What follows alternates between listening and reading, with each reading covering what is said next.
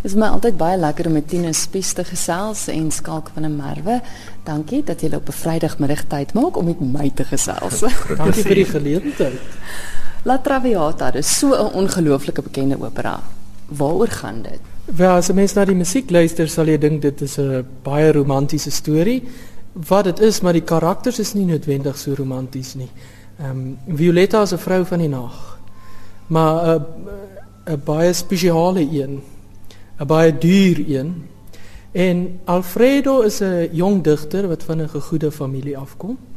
So teen die tyd wat hy Violetta ontmoet, het sy al klaar longkwal opgedoen. So dit is gebaseer op 'n ware karakter met die naam van Marie Duplessis wat Alexandre Dumas die bekende boek oorgeskryf het. Hy is natuurlik die seun van die ander bekende Dumas wat die Drie Musketiers geskryf het en ensovoorts.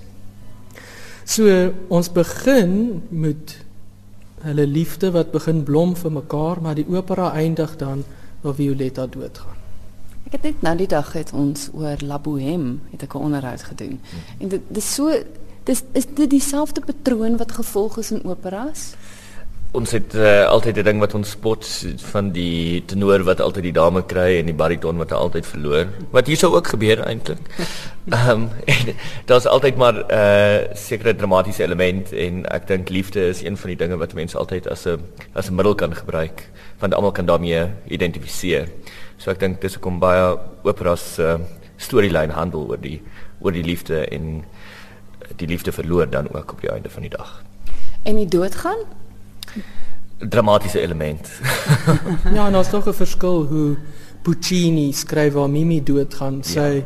sy gaan half dood in die stilte. Ah. Sy is nie besig om te sing wanneer sy doodgaan nie. Ja.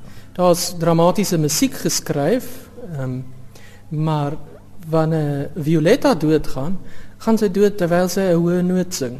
So baie sê dit maak nie regtig sin as jy van 'n longkwal doodgaan dat jy nou iewes skielik hier die absolute hoë noot moet gil nie.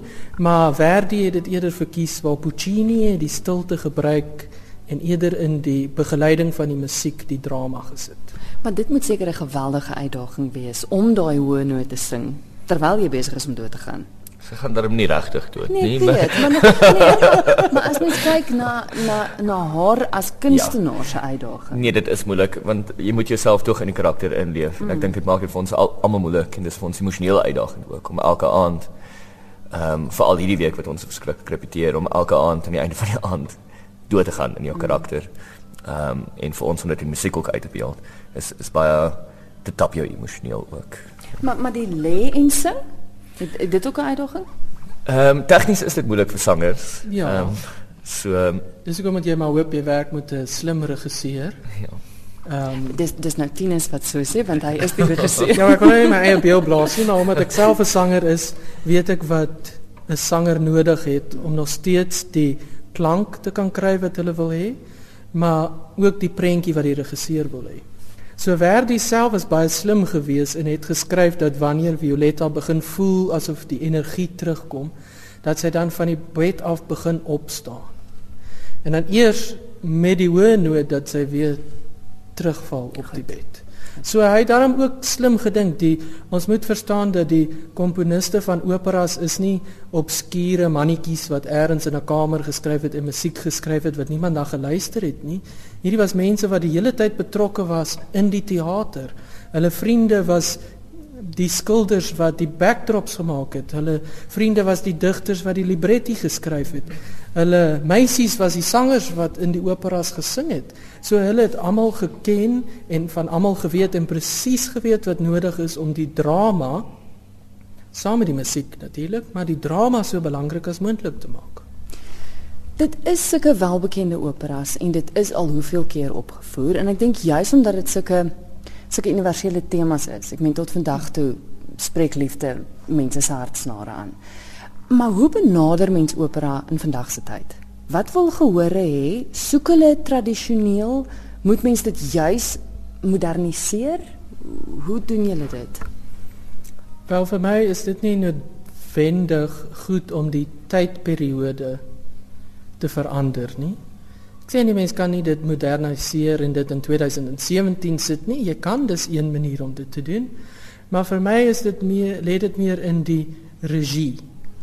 Is dit wat hulle doen op die verhoog meer natuurlik? Goed. Is dit dramaties genoeg? Is dit net 'n tenor wat daar staan en lyk soos die sopran se borspeld? Jy weet die ou maniere van om jou hand op te lig as daar geen rede is nie of te veel stil te staan of te veel te loop. So nou dat almal gewoond is aan films en aan sepies op die TV, dink ek 'n moderne gehoor verg daai bietjie meer realiteit van die sangers wat hulle werk nog soveel moeiliker maak om hierdie instrument te wees waardeur 'n stem deur 'n teater moet trek sonder enige klankversterking, maar dan ook om die beweging so realisties as moontlik te maak. En en vir jou skalk julle samewerking, jy as Tinus wat nou regisseur is, jy as dirigent, het jy 'n sê in in wat gebeur of doen jy wat Tinus vir sê moet doen? Dis 'n interessante verhouding. Gewoonlik haat dirigente en regisseurs mekaar. Hulle werk nooit lekker saam nie. Ehm um, ek en Tinus het amper nog elke opera wat ek gedoen het. Mm. Saam gedoen. Ek dink daar's een of twee operas wat ek en Tinus nog nie saam gedoen het nie. Ehm um, en ons het altyd Tinus is van die begin af altyd by my. Ons begin altyd met ons musikale repetisies wat ons eers deur die musiek gaan. En daar laat ek altyd Tinus toe om kommentaar te lewer om te sê hierso ehm um, wil ek dalk hierdie in die in die spel inbring, so ons moet dalk hierdie formaat al langer maak. En aan die ander kant dan ook om is uh, ek is altyd by Tinus se staging rehearsals wat beteken dat as daar uh, elemente is wat die musiek dan baie moeiliker maak waar ons dalk te lank moet wag vir daar nie spanning is in die musiek nie wat ons dan weer dit moet verander of nie verander nie. So ek ek dink ons werk redelik goed saam in daardie aspek en ons het nog nie nog nie op mekaar geskree nie. en nie oor opera nie. Nie oor opera nie ten minste. so so so en ek dink dis jy is wat ons produksies so spesiaal maak is ons kan maklik saamwerk en dis nie ehm um, die een het nie noodwendig groter sê as die ander een nie, maar dis meer 'n samewerking. Mm. Ons kyk gou na wie is almal deel van die produksie. Wel, Ilse Kutsie is ons Violetta. Dan het ons 'n Italiaanse tenor, Filippo Adami wat Alfredo sing. En Doue Bakers maar is Germont, uh, Filippo se pa. So hy het spesiaal 'n uh, bokbaartjie moes groei om net 'n bietjie ouer te lyk as Filippo want ek dink Filippo is bietjie ouer as dit. en dan het ons ook Skalk se Harmonia Theaterkoor wat gaan saam sing, die ad hoc ensemble wat speel. Ons het dan nog 'n rits ander ehm um, kleiner rolle, uh, Marina Botha Spies wat Flora sing, Wouter van Wyk wat die Barone sing, Neil Stander wat Gastone sing. Tabang Senekal ja. wat die Marquese sing en Tabang Shela wat die dokter sing. So dit is nogals 'n groot groep mense op die verhoog en die klank wat van die verhoog afkom gaan mense plat vee. Hmm. Dis nou jou tweede opera wat jy doen vir die jaar 10 is. Ons het vroeër gesels oor Tosca. Hoe lyk die gehore? Moet ons bekommerd wees? Is dit is dit ouer mense moet ons haas om jonger mense op te voed vir vir opera of of kan ons rustig wees? Nee, ek dink ons moet nog steeds die gehoor opvoed. Ehm um, nie noodwendig die jong mense nie, maar selfs die ouer mense wat gewoond is aan 'n opera van 20, 30 jaar terug. Dis nie meer 'n opera wat bestaan nie. Ons het nie miljoene rande om sy te gaan koop in Japan vir Madame Butterfly nie. Ons het nie 'n regering wat geld gee vir die produksies nie.